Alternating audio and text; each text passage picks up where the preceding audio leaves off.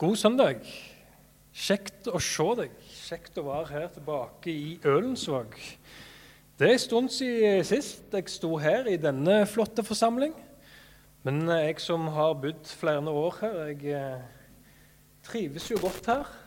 Og eh, det var litt som jeg kjørte innover i dag, så det var litt som å kjøre hjemover, faktisk. Tilbake til Ølensvåg. Um, det er ett navn som, uh, som, samler oss, og det er Jesu navn. Det er han vi er samla om i dag. Det er derfor vi er her. Det er han vi har lovsunget nå, og det er han vi nå skal bli bedre kjent med i hans hellige ord. Vi skal se på en tekst i dag som uh, jeg tror ikke er en vanlig uh, søndagstekst en historie som vi kanskje ikke tar så veldig uh, mye fram på talerstolen, men som kanskje vi òg kan lære noe mer av. Det er historien om Nabots vingård. Nabots vingård. Fra første kongebok, kapittel 21. Men uh, kanskje før vi slår opp og leser der, så kan vi fortsette å be. Jesus, vi takker deg for denne dagen, for denne stunden. Takk for at vi kan komme sammen til møte, lovprise deg, lovsynge deg. Be til deg, nevne våre bønner med navn, både høyt og i våre hjerter. Alt til deg. Og Jesus, vi kan òg nå sette oss ned og lytte til ditt hellige ord og det som du har å si oss. Og Vi ber Jesus for denne stunden om at du kan ta oss med avsides i lag med deg, vekk fra vår travle hverdag, vår travle liv. Så ønsker vi en stille stund i lag med deg, der du kan få lov til å tale og åpenbare ordet ditt for oss, Jesus. Vi ber om det, om at du, Hellige Ånd, kan tale til den enkelte sånn som den enkelte trenger det nå. Det ber vi om i ditt navn. Amen. Skal vi se Han er veldig låg, den her. Får jeg stige opp?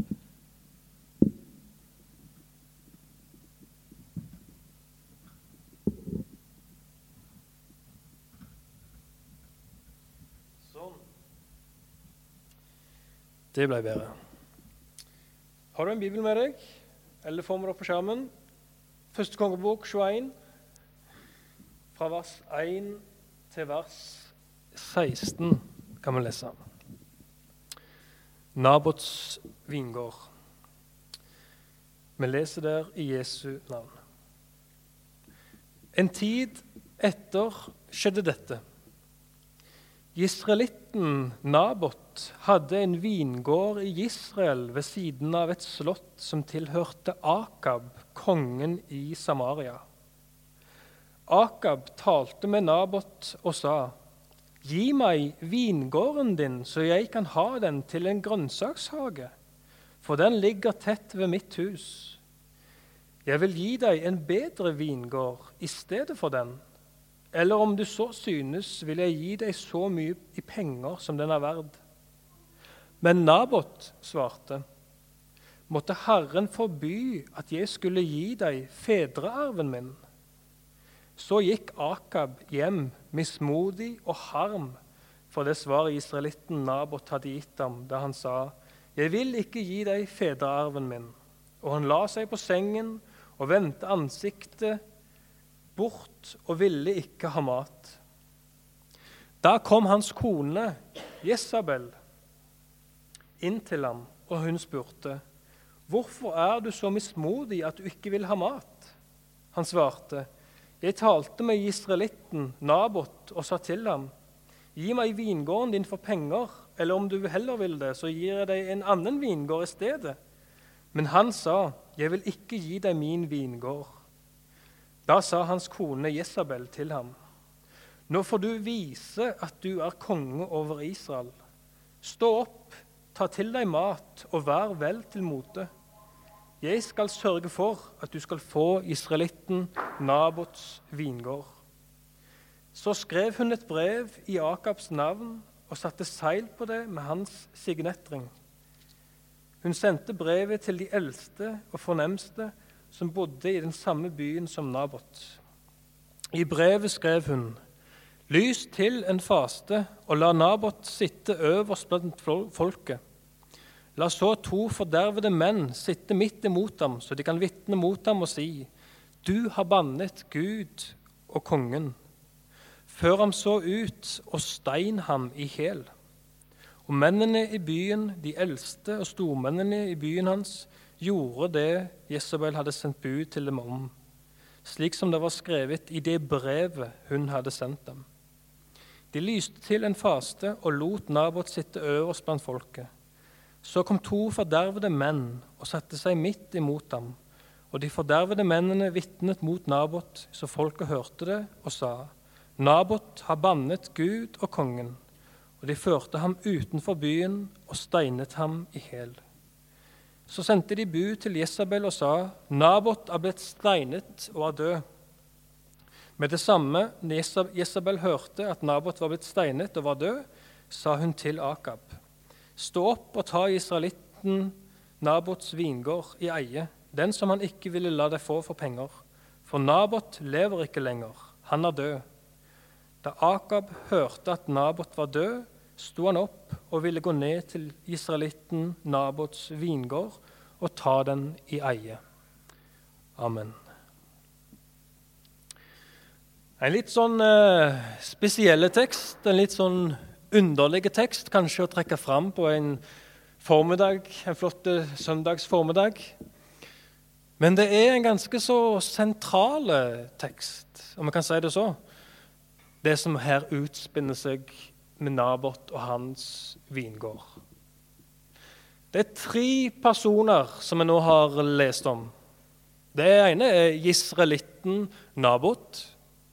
Og Hvis du lurer på hva en gisrelitt er, så er det, det er en jøde. Det er en mann som er fra byen Gisrael. Akkurat som du er som er fra Vågen, er en vågsbu fra Vågen, så er Nabot en israelitt fra Israel. Så han var en jøde fra Efraims stamme i byen Israel. Han hadde en stor vingård, en vingård som lå i hans eh, navn, hadde gått i arv fra hans fedre. Og denne vingården lå altså helt i, i muren, eller vegg i vegg, tett av slottet til kongen i Israel, Akab. Og Akab er den andre personen vi hører om her.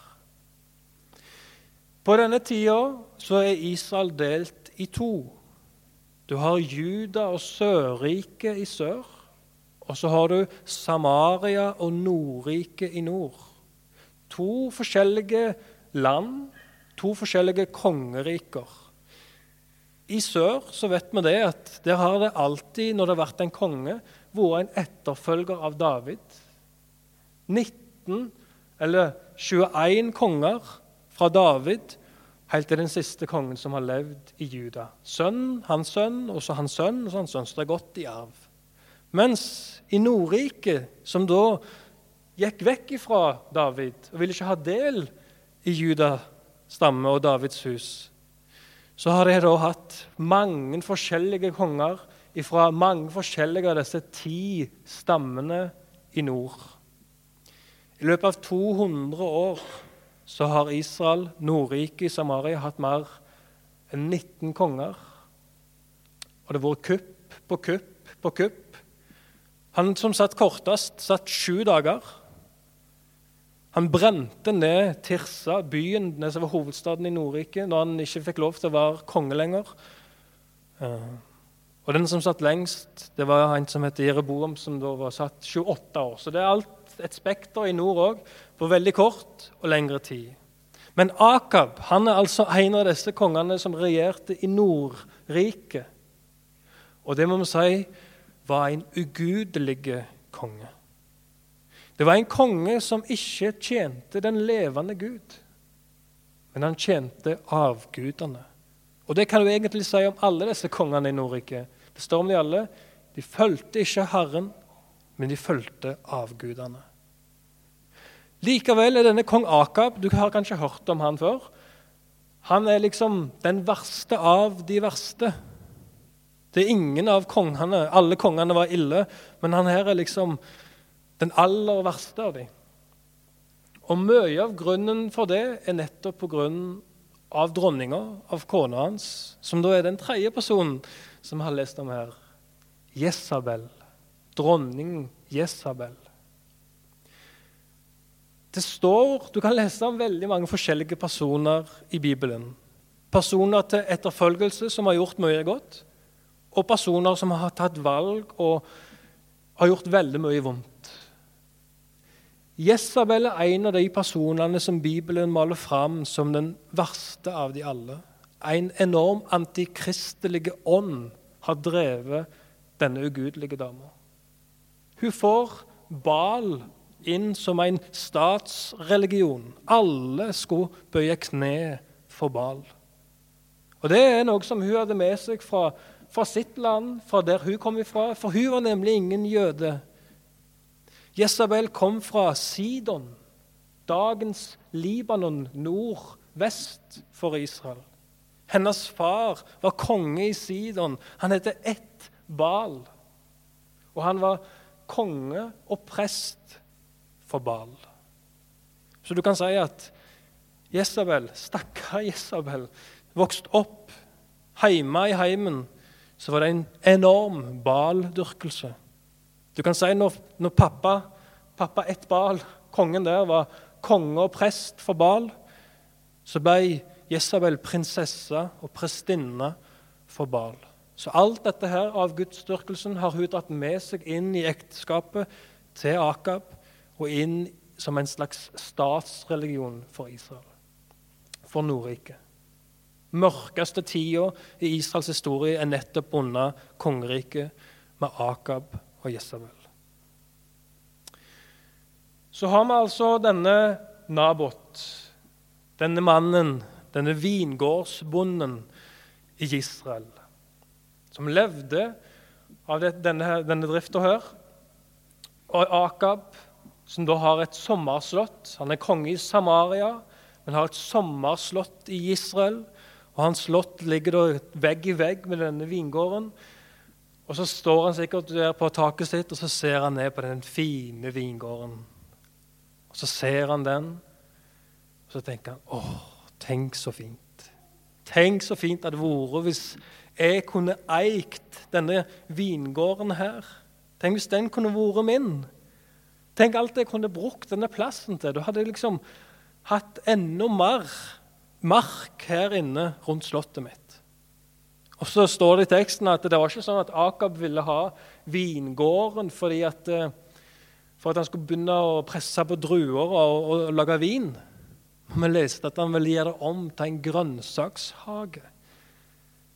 Underlig og flott egentlig hvor detaljert Bibelen er på mange områder. Han vil gjøre det om til en grønnsakshage. Så han går til Nabot og så sier han, du, Nabot, den der vingården din jeg ser den hver eneste dag. Det er det første jeg ser når jeg står opp, og det siste jeg ser når jeg legger meg. Jeg har så utrolig lyst på denne vingården. Den ligger så fint til nærme slottet mitt. Kan jeg, kan jeg, betale det? Kan jeg kjøpe den? Hvor mye tror du den er verdt? Hvor mye anser du denne her gården din for? Jeg kan betale deg hva som helst. Bare si en pris, så er det ditt. Nabot Det står ikke at han tenkte seg om, at han funderte på hvor mye skal jeg eh, liksom sette pris på dette her. Men han avslår det blankt. Den er ikke til salgs. Min vingård, den er min fedrearv. Den, den har gått i generasjoner, og den kommer til å fortsette å gå i generasjoner til mine sønner og deres sønner osv. osv. Den han nekta. Han ville ikke selge. Og Det er egentlig en veldig fin ting, for det står det jo om i Moseloven, både i tredje Mosebok, eh, kapittel 36 Unnskyld, 3. Mosebok, kapittel 25, og 4. Mosebok, kapittel 36. Så kan du lese at Gud gir løfte og sier at du skal ikke selge fedrearven din, landet ditt, på tvers av stammer. På tvers av familier. For hvis det, det, det Guds ordning i landet var sånn At det, her skulle det gå i generasjoner, og det skulle ikke gå på tvers av alt mulig av stammene innad i Israel. Så du kan si at denne Nabot han hadde alt retten på sin side. Han var lydig mot, hva si, mot fedrearven og sine sønner og framtid, og sånt, men også lydig mot Guds ord. Det som Guds ord sa og bestemte. Du skal ikke selge fedrearven din. Hva skjer så med denne Akab? Jo, vi leste det i slutten av vers 4, at han går hjem mismodig og trist og lei seg. Og han nekter å ta til seg mat. Han ligger bare på senga, akkurat som en litt sånn bortskjemt unge så jeg får meg der, som ikke får viljen sin. Som ikke har spist opp maten sin, som ikke har smakt på fiskepinnene. Sånn ligger han der, kongen. Og han ville sånn ha denne her, eh, vingården, men den fikk han ikke. Så er det at hele historien tar en veldig sånn drastisk eh, vending. Jesabel, kona og, og dronninga til Akab, kommer inn, og så ser hun mannen sin ligge på senga, og mismodig og lei og, og deprimert og sur og grinete. Og Så sier han, men hva er det, 'Hvorfor ligger du her? Hvorfor tyr du deg sånn? Du er jo konge. Hva, hva som har skjedd?' Så forklarer Akab historien. 'Nei, jeg hadde så lyst på den der vingården til Nabot, men han nekter å selge den til meg.' Og så sier Jesabel, dronninga, 'Nå må du ta og så reise deg opp og vise deg at du er mann, at du er konge.' Du er konge. Du, du, du er den som har makt i dette landet her. Ditt ord er lov. Og hvis du vil ha denne her vingården, jeg skal fikse det for deg. Det er null problem. Og Så begynner altså denne Jesabel å forfalske en historie mot denne Nabot for at hennes mann kan få vingården. Vi leste at uh, hun skrev et brev. Et ganske langt brev, må det ha vært, for det var ganske detaljert. Et brev om at Et falskt brev om at Nabot hadde forbanna Gud og kongen. Og at du skulle sette falske vitner mot Nabot. Du skulle kalle han inn på teppet, inn foran domstolen. Og så skulle de dømme han til døden. Og Hun sendte dette brevet her til de eldste i landet, og det skjedde akkurat sånn som hun hadde planlagt. Nabot ble henta inn, stilt fram. Disse to falske vitnene sier at Nabot har gjort det og det og det. Det er mot Moseloven, det er mot Guds bud. Han fortjener å bli steina. Så tok de han med ut og tok livet av han. Og så ender altså historien med her i første omgang at Akab blir, får denne her eh, vingården. Jesabel kommer til glad, og han går fornøyd og glad ut og kan endelig begynne å gi, dyrke og planlegge og bruke denne vingården sånn som han hadde satt for seg. Nå er ikke det slutten på hele denne fortellingen, det er slutten på det som vi har lest her. I fortsettelsen kan du lese på egen hånd hvordan det går med Akab og Jesabel. Det går ikke så veldig bra. Eh, profeten Elia kommer med et domsbudskap, og de får virkelig kjenne på noe av Guds dom og Guds frede for det som de har gjort. Men vårt fokus i dag det skal være litt på denne vingården og det som vi nå har hørt. For jeg, jeg tenkte veldig mye på det når jeg leste denne historien. Det er mange likhetstrekk, og det er en sentral, sentral historie. For Nabot ble jo altså, falske vitner mot seg. En uskyldig mann som ble uskyldig dømt. Det er jo et bilde på vår Herre Jesus, som fikk òg falske anklager mot seg. Du kan si det var ingenting som Nabot hadde sagt, eller ingenting som Nabot hadde gjort som sa at han fortjener en dødsdom. Men han ble dømt uskyldig. Og hvordan var det med Jesus? Han døde jo på, kor på krossen. Hva slags gale var det han gjorde? Hva slags kriminalitet, eller hva var det han hadde gjort? Ingenting gale. Han var en uskyldig mann. Enda mer uskyldig enn det som Nabot noen gang har vært i sitt liv. Og så har jeg tenkt også mye på, på Akab, som gikk der i Israel og så denne, denne vingården som han hadde lyst på. Så ble han liksom lurt inn i dette her til å ta livet av Nabot. Hvordan var det liksom i begynnelsen, i Edens hage? Når slangen kom til Eva, øynenes lyst Eva så noe som var fint på treet der. Men så hadde Gud sagt at det kunne de ikke røre, det kunne de ikke smake. Og så kommer slangen og så sier han, ja, men har Gud virkelig sagt? Skape inn en tvil. Og så er syndefallet historie.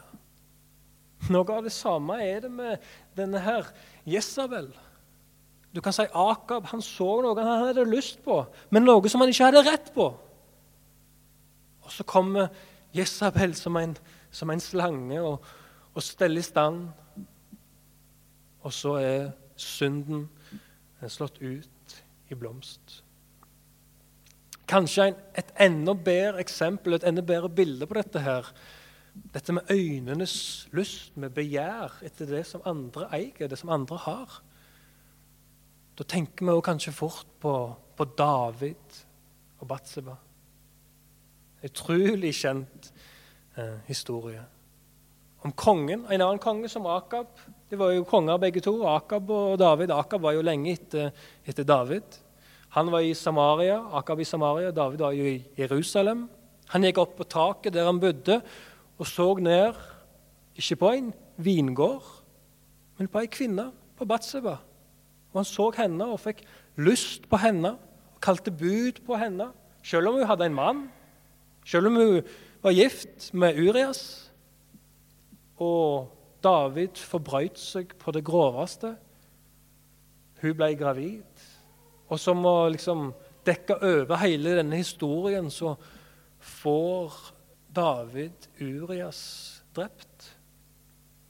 Og det er veldig, veldig interessant, synes jeg, hvordan David får Urias drept. Han prøver jo da ved flere anledninger, om det er to eller tre ganger, å få liksom, skjenke Urias og få han til å gå hjem og ligge med, med Batseba. Men Urias sier at nei, jeg kan ikke gå hjem til min kone når, når mine brødre er der ute og kjemper i krigen. Så, så David han ser liksom siste vei det er å ta livet av ham. Og hva gjør han? Han skriver et brev. Hva var det Jesabel gjorde for å lure eller ta livet av Nabot? Jo, hun skrev et brev. Sånn og sånn og sånn og sånn skal dere gjøre for å ta livet av Nabot. Og hva var det David gjorde? Jo, han skrev et brev til Joab, til generalen sin. Joab, du skal, du skal ta og sette Urias fremst eh, i krigen, i fronten, der det er hardest. Og ikke bare at du skal sette han fremst i krigen der det er hardest, men du skal gi et signal. Du skal gi en ordre til de andre israelittiske krigerne at de skal trekke seg tilbake igjen, sånn at Urias blir stående alene og sånn kommer Urias til å dø til å miste livet. Helt grusomt at David kunne, kunne gjøre noe sånt, planlegge noe sånt. Men så viser det òg hvor dypt vi mennesker er i stand til å falle. David var ikke liksom ikke den verste. Han var mannen etter Guds hjerte. Og når David er i stand til sånne ting, så må ikke vi helt tro at vi er så veldig mye bedre enn han på mange, på, på mange områder. For det er nettopp det. Urias bar på et brev sin egen dødserklæring. Han visste det ikke sjøl, men han bar det i fronten til Joab. Og Nabot hadde et brev som han ikke visste om. Men det var et brev som gikk han imot. Du kan si at livene til disse to personene, Urias og Nabot, det står og faller på innholdet i brevet. Innholdet i brevet avgjør om de skal leve eller dø. Og Visste du det? At disse to personene de er ikke de to eneste som har brev som har gått de imot. Det er faktisk sånn, kjære venner, at alle mennesker som blir født inn i denne verden, alle mennesker som noen gang trekker en pust, og som lever her, og som er til, vi har et brev. Et skyldbrev som går oss imot. Syndebrevet mitt, syndebrevene våre. Paulus skriver det sånn i Romerne 3, 23. Alle har synda og mangler Guds herlighet. Og Paulus sier videre at Sjøl det beste som jeg ønsker å stille fram, har flekker av synd.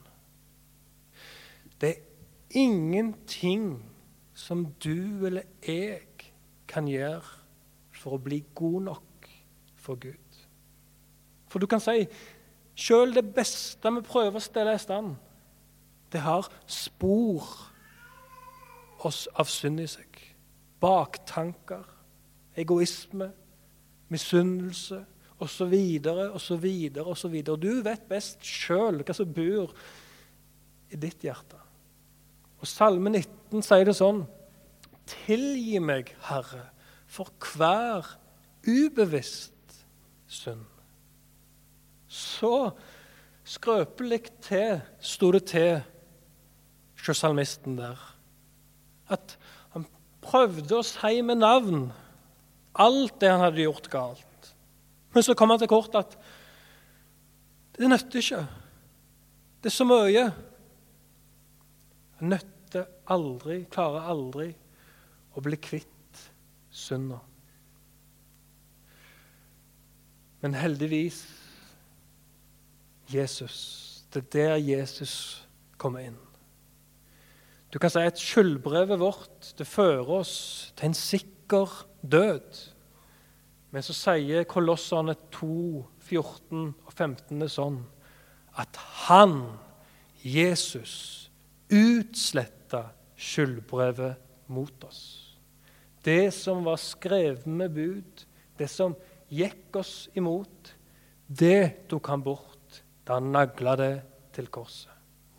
Han avvæpna maktene og myndighetene og stilte dem åpentlyst til skue da han viste seg som seierherre over dem på korset. Hvis ikke Jesus hadde sont vår skyld på Golgata, hvis han ikke hadde utsletta skyldbrevet vårt, så hadde vår framtid sett helt annerledes ut. Da kunne jeg, hver gang jeg hadde gjort noe galt, så kunne djevelen sagt til Gud Aha, se der. Se Preben. Nå har Preben synda. Han har gjort oppbrudd mot deg. Han har gjort synd. Skyldbrevet til Preben sier at han er en synder. Derfor tilhører Preben nå meg. Sånn kunne djevelen ha sagt. Men heldigvis, Jesus har utsletta vårt brev. Det som gikk oss imot, det nagla han fast til korset. Det eksisterer ikke lenger. Vårt påskelam blei ofra. Og så sier Peter i en av sine taler i Apostelens gjerninger 3, 19.